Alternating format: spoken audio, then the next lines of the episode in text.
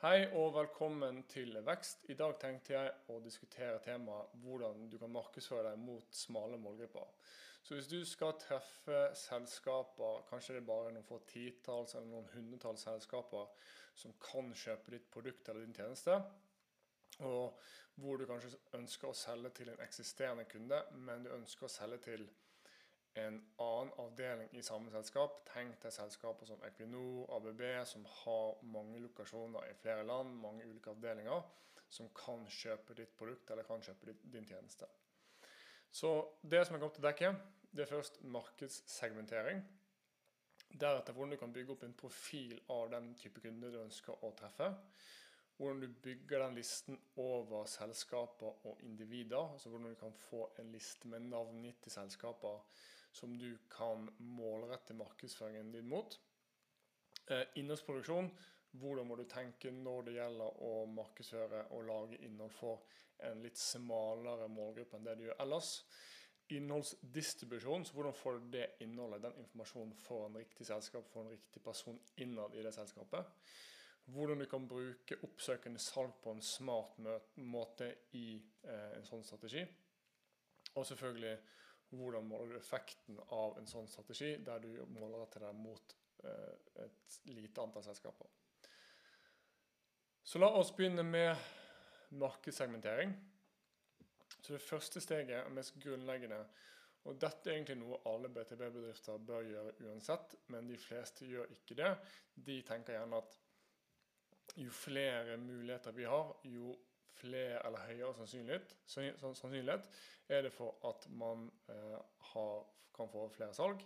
Flere muligheter, flere salg. Det er ofte det man tenker. Men egentlig så er det slik at jo flere kvalifiserte muligheter, jo høyere salg. Så det er gjerne mer lønnsomt å fokusere på et mindre antall selskaper som er mer relevant, som er mer aktuelle for det du selger. Så første steg er da å prioritere markedssegmenter. Du har jo ikke ubegrensede ressurser med tanke på selgerstid, annonsekroner, eh, hvor mye innhold du kan produsere. Så du har ikke råd til å gape over for mye på en gang. Sannsynligvis. Ehm, og det handler også om å unngå risiko. Du ønsker å unngå at du bommer på målet, og at du ikke snakker eller kommuniserer med feil selskap. Så det jeg alltid anbefaler, er å ta utgangspunkt i dine beste kunder i CRM-systemet. Dette er kanskje ikke en perfekt måte å finne din målgruppe, men en god start. Se først hva det er som kjennetegner de selskapene du ønsker å gå etter, ehm, og hva som kjennetegner de beste og de verste kundene. Og Da vil du gjerne få en, eh, en forståelse av hvilke segment er det vi faktisk aktiverer, altså hvilke bransjekoder Eh, hvilke vertikaler er det vi selger våre produkter og tjenester til, og hvilke bransjer f.eks. holder de beste kundene våre til i. Um, og når du har, La oss si at du har tre-fire markedssegmenter som er potensielle målgrupper eller markedssegmenter for din markedsstrategi, så kan du begynne å rangere de basert på litt ulike faktorer. Så Det jeg liker å se på, er f.eks. konkurranse. Er det veldig mye størrelse Eh, er det mye konkurranse i det markedet. Eh, med tanke på er det mange aktører som gjør det samme som du gjør, eller er du helt alene og har du nesten et monopol i det segmentet. Så er det størrelsen. Hva er, det, hva er den typiske størrelsen på selskapene i disse segmentene? Da tenker vi som omsetning, antall ansatte, den type ting. Eh, livstidsverdi. Altså hvor verdifull er denne kunden eller dette selskapet eller selskaper i disse segmentene for deg over tid. Eh, vekst i segmentet, så det kan være eh, Er dette en trend som er på vei opp? Så la oss si dette med fornybar energi det er noe som er veldig på vei opp. Så kanskje det vil være en bedre sektor, bedre marked å gå etter enn en kanskje mer sånn eh, tradisjonell sektor der det er mye konkurranse, og der det, er, eh, der det er mange aktører som allerede holder på, og som er litt eh, i nedgangstider. Så det kjøpekraft. Er disse selskapene i segmentet villige til å investere i en løsning sånn som din? Erfaring, altså har du en historie med å levere ditt produkt eller din tjeneste til denne, eh, denne bransjen. Så når du starter en uh, saksprosess, så har du bevis på at ok, vi har gjort dette og dette og dette for selskaper som ligner veldig på deg, uh, mister eller herr kunde. Um, så er det tilgjengelighet. Da tenker vi mer på uh, hvor enkelt er det å komme i kontakt med beslutningstagere. Altså er det, er det, enkelte kanaler det er enkelt å finne de, altså Finnes de på LinkedIn? Er de enkelt å komme i kontakt med, via e-post og den type ting? Lønnsomhet selvfølgelig er viktig. Er det visse segmenter som er lønnsommere enn andre? Eh, og så er det en faktor som heter viralitet. Det betyr at er disse markedssegmentene villige til å f.eks. bidra med en kundehistorie? Hvis du jobber f.eks. innenfor bank og finans, og du jobber med compliance, er et godt eksempel, så vil kanskje ikke de bankene publisere og offentliggjøre at de eh, har eh, kanskje noen problemer med etterlevelse og compliance, f.eks. Eller kanskje det er i olje- og gassbransjen at det, hvis det kommer ut nyheter om at eh, det har vært noen problemer på en oljeplattform, eller noe, noe sånt, så kan det påvirke aksjekursen negativt. Så du må tenke er dette, er dette en bransje der eh, våre kunder vil være villige til å dele informasjon i en kundehistorie f.eks. Steg to det er å bygge en ideell kundeprofil. Så nå vil jo ta den informasjonen fra disse ulike markedssegmentene som er basert på CM-systemet.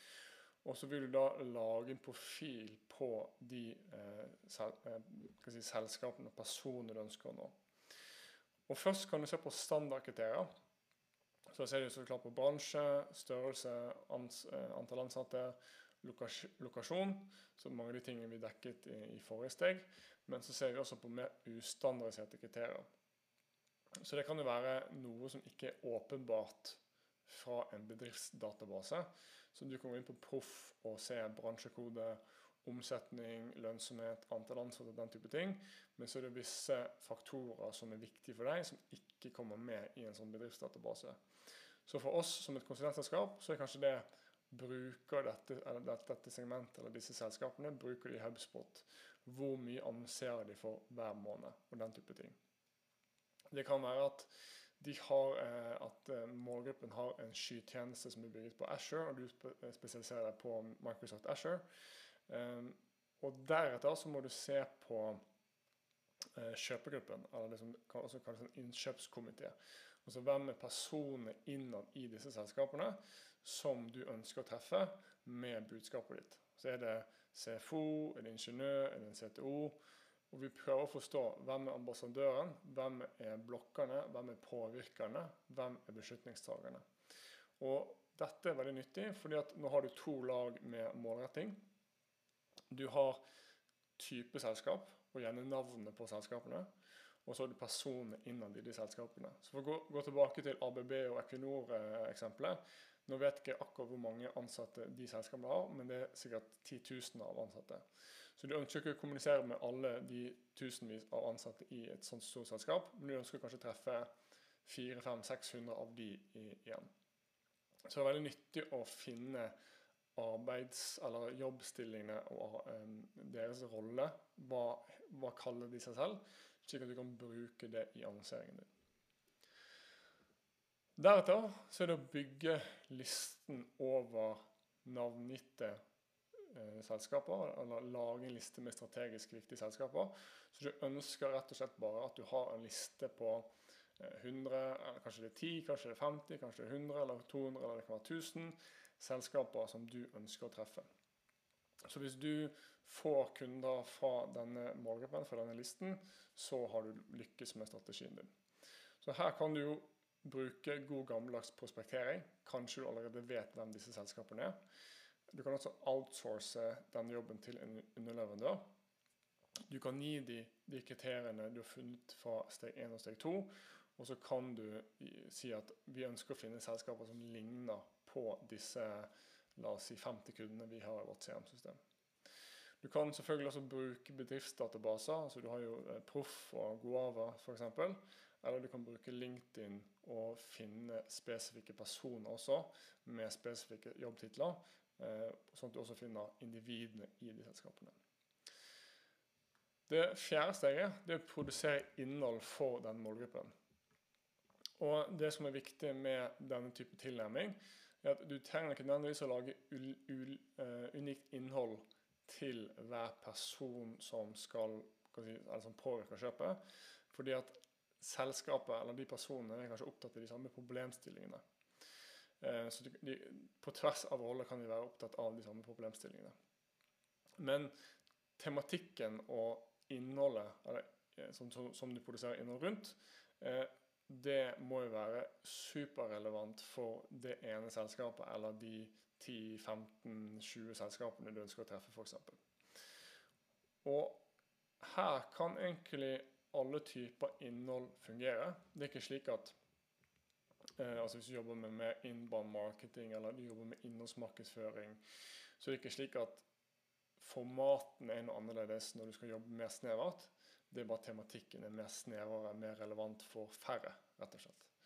Så du kan lage podkast, du kan lage artikler, du kan lage videoer. Men sannsynligvis vil jo det innholdet kanskje ikke få mer enn 15-20-50 visninger, avlyttinger, eller at du har kanskje bare noen få antall lesere.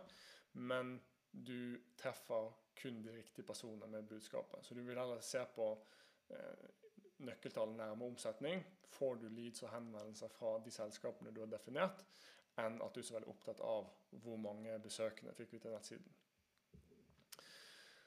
Så deretter, steg fem, det vil være å distribuere innholdet mot målgruppen. Og igjen, du trenger ikke å ha andre taktikker enn eh, hva du ellers gjør. Så hvis du har igjen jobbet med inbound marketing, og du ønsker å treffe en snevrere målgruppe, er ikke slik at du trenger å tenke så veldig annerledes med hvordan du annonserer, hvordan du distribuerer innholdet ditt. Fordi at du kan ta listen over disse selskapene. La oss bare si at det er 100 selskaper du ønsker å prioritere. Du kan laste de opp til ditt CRM-system. Du kan laste de opp til LinkedIn. Eh, og gjennomføre målrettede aktiviteter mot disse 100 selskapene. Så da kan du lage annonser på LinkedIn. Du kan sende nyhetsbrev. Du kan gjøre retargeting. Så det er veldig mange av de kanalene eh, og taktikkene som du kanskje allerede bruker, som du også kan bruke, men igjen som er mer snevert og mer målrettet mot en mindre målgruppe enn det du kanskje gjør til vanlig. Og Når det kommer til oppsøkende salg og mer tradisjonell prospektering, så det du må ha med en slik strategi, det er at du må ha et CRM-system. For du må kunne koble de aktivitetene du gjør, til en enkeltperson og et selskap. Så for eksempel, Hvis du bruker Google Analytics og lignende verktøy, så får du innsikt i antall besøkende, antall, altså hvilke kanaler folk kommer fra. Men du må kunne knytte de aktivitetene som gjennomføres, til, til de individene du ønsker å påvirke. Så når du gjør en rekke aktiviteter som jeg har nevnt, i, i, nevnt nå, så må du se, du kan se på ved hjelp av et CRM-system så kan du se hvem er det som besøker produkt- og tjenestesidene våre. Altså Hvilke selskaper og hvilke personer innad i de selskapene er det som påvirker det, som, som, som besøker oss. Hvilke personer åpner e-poster fra salg, disse 1-til-1-e-postene. Eh, hvem er det som ser video på nettsiden vår. Så du vil bare innhente kjøpssignaler fra disse potensielle kjøperne. Fordi at i en lang og komplisert salgsprosess, der altså hvis du mister salget, så er det kanskje flere år til neste gang at du har en mulighet for å vinne den kunden. Da må du, må du knytte alle disse aktivitetene til et CRM, slik at du kan fange opp på det eh, tidlig. Så du kan da bruke CRM-systemet kombinert med f.eks. IP-sporingsverktøy som Leadfeeder og Albacross, slik at du da kan i tidlig fase, når en kjøper starter den prosessen med å innhente informasjon, at du kanskje kan nå ut til de tidligere i prosessen.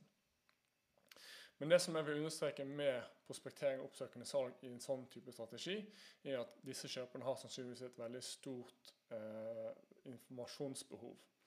Så når du skal jobbe med prospektering og oppsøkende salg, så vil jeg anbefale at du ikke går ut og prøver å booke møte med en gang, men at du leder med å dele informasjon.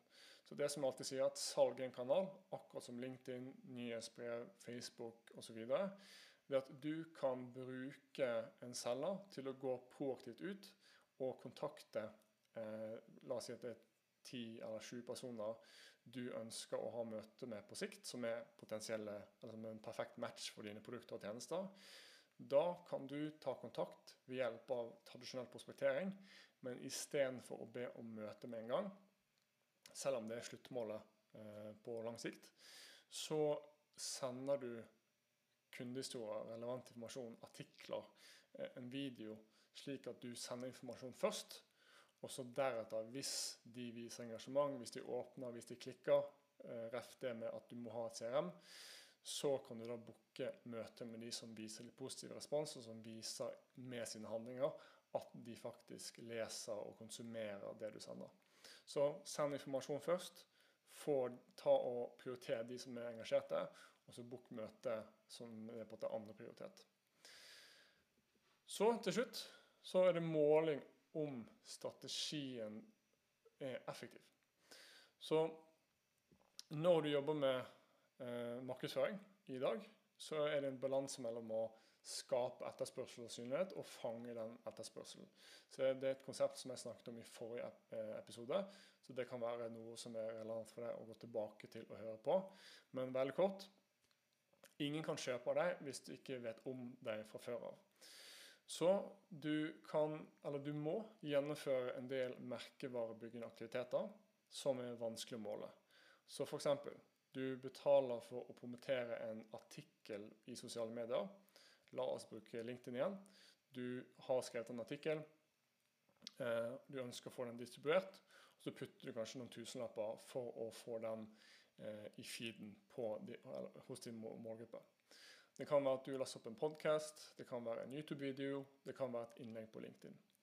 Så disse kanalene kan være litt vanskelig å måle, men dette er en fin måte å bygge synlighet, bygge merkevare. Og det du kan gjøre, selv om dette er merkevarebyggende aktiviteter som ikke kan direkte knyttes til salg, så kan du likevel målrette de aktivitetene så godt som du kan, eller mot de 100 selskapene som du definerte definert fra før. Så du laster opp de 100 selskap, selskapene til LinkedIn, og så annonserer du kun mot de 100 selskapene med den artikkelen, eh, med et klipp fra podcast-episoden din, f.eks. Og så har du med transaksjonelle aktiviteter. og det, Nå er vi mer inne på den performance-biten og, og fange etterspørsel. Så når vi skal ha en transaksjon og vi skal konvertere en potensiell kunde til en eksisterende kunde, da ser vi mer på eh, hvor mange konverteringer får vi på Google Ads, eh, hvor mange konverteringer får vi på nettsiden. Hvor mange salgskvalifiserte leads får vi? Altså personer som ber om tilbud, som ber om eh, en demo, som ber om pris på et skjema på nettsiden din. Altså hvor mange vil snakke med salg. Og så har du neste eh, steg, som er salgskvalifisert mulighet. Det vil si altså personer som er kvalifisert av salg, og som man har eh, tildelt en verdi med tanke på du har assosiert den kontakten med en avtale, og den avtalen har en verdi, og du mener at den avtalen eh, har en 20-25% sannsynlighet for å bli en kunde, da vil jeg i min verden kvalifiseres som en sakskvalifisert mulighet. Så har du naturligvis antall kunder eh, og omsetning fra markedsføring. Altså hvilket bidrag markedsføringsaktivitet har hatt til omsetning. Men igjen, du må alltid tenke med dette eh, med målrettinger. Du har fått et filter rundt markedsføringen din. og At alle aktiviteter du gjør, selv om det er merkevarebyggende eller om det er mer transaksjonelt, så er det kun rettet mot et visst utvalg av selskaper. Så si, kriterier for suksess er at du får trafikk, at du får henvendelser, og du får kunder fra de definerte selskapene som du har fått prekvalifisert. Så um, det er ikke så annerledes fra andre digitale strategier, men det er egentlig målrettingen. Og kanskje også at du kan eh, personalisere ytterligere enn det du kanskje gjør med en inbound marketingstrategi f.eks. Men det er egentlig ikke så annerledes med tanke på det taktiske og hvilke formater du bruker og hvilke annonsekanaler du bruker. og den type ting. Så det var alt jeg hadde. Seks steg for å eh, målrette din markedsføring mot veldig eh, små målgrupper. Håper det var hjelpsomt. Hvis du har noen temaer du ønsker at jeg skal diskutere på denne podkasten, send gjerne en mail til eh, torstein.nettle.no, eh, Torstein med TH. Eh, og da eh, skal jeg prøve å få dekket det i en fremtidig podkast. Takk for at du hørte på, og så høres vi neste uke.